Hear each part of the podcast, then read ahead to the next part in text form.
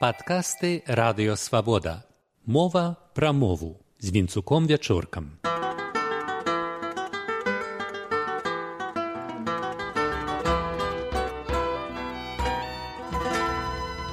Вітаю шаноўнае спадарства. Тэксты па-беларуску існуюць у запісах трыма графічнымі сістэмамі. Да беларускай мовы дапасаваныя альфабеты пачатна створаныя для іншых моваў. Гэта кірыліца ды лацінка. Акрамя таго, беларускія татары, нашчадкі крымскіх, свае богаслужбовыя кнігі, кітабы пісалі па-беларуску арабскімі літарамі. Некаторыя лічаць, што кірыліца гэта расейская азбука. Не, Гэтая графічная сістэма была укладзеная хрысціянскімі прапаведнікамі кірылам і методам прыблізна ў 863 годзе для тагачаснай мовы паўднёвых славянаў, продкаў цяперашніх баўгараў і македонцаў. Яе называюць стараславянскай, а пазнейшы богаслужбовы варыянт царкоўна-славянскай мовай. Кірыліца перадавала гукавы склад тае мовы, а таксама мела некаторыя літары для прасцейшай перадачы грэцкіх словаў.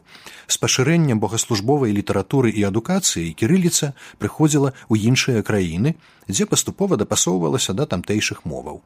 Беларуская мова хоць роднасная стараславянскай, але іншая. З гледзяшча беларускай фанетыкі. Лішнія ў кірыліцы былі літары омега, фі, ксі, псі, шча, яць, ё або цвёрды знак літары для насавых галосных а таксама па дзве літары для абазначэння гуку з дзве для гуку ф дзве з трох літараў для абазначэння і. Бальшыня гэтых лішніх літараў паступова знікла са старабеларускага пісьменства і менавіта беларускія пісары стварылі прынамсі дзве зусім новыя літары якіх не было ў пачатнай кірыліцы. Адрозніваць цвёрдае і мяккае вымаўленне перад э скажам у словах песня і пэўны старадаўняя кірыліца не дазваляла. І вось у канцы 15 стагоддзя як пацвярджае даследнік александр булыка некаму прыходзіць у галаву перавярнуць кірылічную літару е в адным з абліччаў і так з'яўляецца літара э што глядзіць зубамі ўлева і пазначае цвёрдасць або гучыць у пачатку слова як э з ёю сталі пісаць словы накшталт камета фэст У статутах рэч, чэсць, патрэба, перадаючы беларускае зацвярдзелае вымаўленне шыпячых і р. Пра адмысловую літару г для выбухнога гуку ганак мазгі якая з'явілася ў сямнацатым стагоддзе я ўжо быў апавёў у этэры свабоды зрэшты невядома ці яе стварылі нашыя ці ўкраінскія пісары. А вось што да літары і нескладовая йод то першыя спробы яе прыдумаць лакалізуюцца ў беларусі хоць бы грамата янкі богдановича аб продажы сенажаці. І сягаюць канца 15 стагоддзя. Літара і спачатку падымаецца над радком потым яе замяняе значок падобны да хвалі паерык так званы. І врэшце у словах няхай дабрадзейства значок ставіцца над літарай і як цяпер беларускія пісары і асветнікі зрабілі неацэнны ўнёсак у эстэтычнае афармленне кірылічных шрыфтоў беларускі скорапіс радыкальна спрасціў грувасткія абрысы традыцыйныя кірыліцы.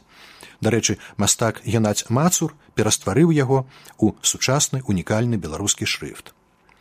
Францішак скарына не толькі стварыў уласны прыгожы друкарскі кірылічны шрыфт, але ўдасканаліў аблічча літараў, увёў новы дызайн літараў у і м. Каб гісторыя пайшла іншым чынам магчыма менавіта скарынавыя інавацыі сталі б нормаю і для кірыліцы пазнейшых часоў. А канчаткова наблізіў формы літараў да сучасных галляш альбо ілля капіевич родам з амсціслава выпускнік слуцкай гімназіі кнігавыдавец перакладнік.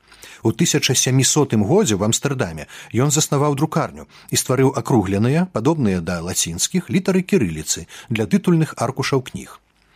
Рассею ў той час так бы мовіць намагаўся падняць з каленяў цар пётра першы Ён імкнуўся мадэрнізаваць розныя сферы грамадскага жыцця у прыватнасці кніжную і пісьмовую справу у рассеі жывая мова так і не пранікла ў кнігу дзе апанавала царкоўна-славяншчына і адпаведна архаічная кірыліца вось жа быўшы ў нідерландах пётраў падабаў капіевічавы шрыфты і замовіў майстру адліць камплекты літараў Новы шрыфт на аснове капіевічавых Пётра зацвердзіў у 1708 годзе.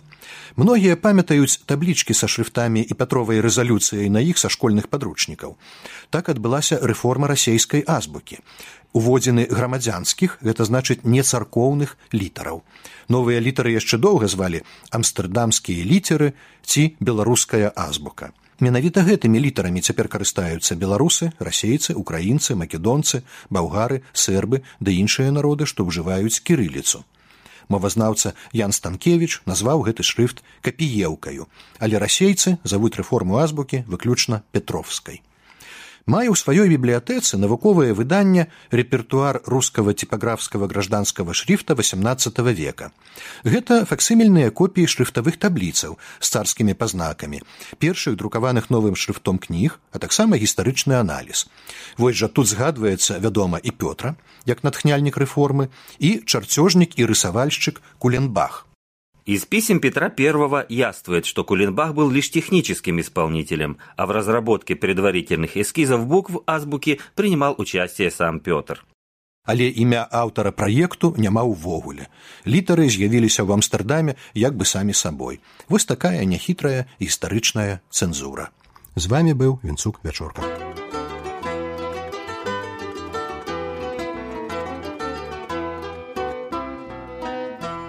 Вы слухали падкаст радыёвабода. Усе падкасты свабоды ў інтэрнэце на адрасе свабода кропка орг. Штодня, у любы час, у любым месцы, калі зручна вам. Свабода кропка орг.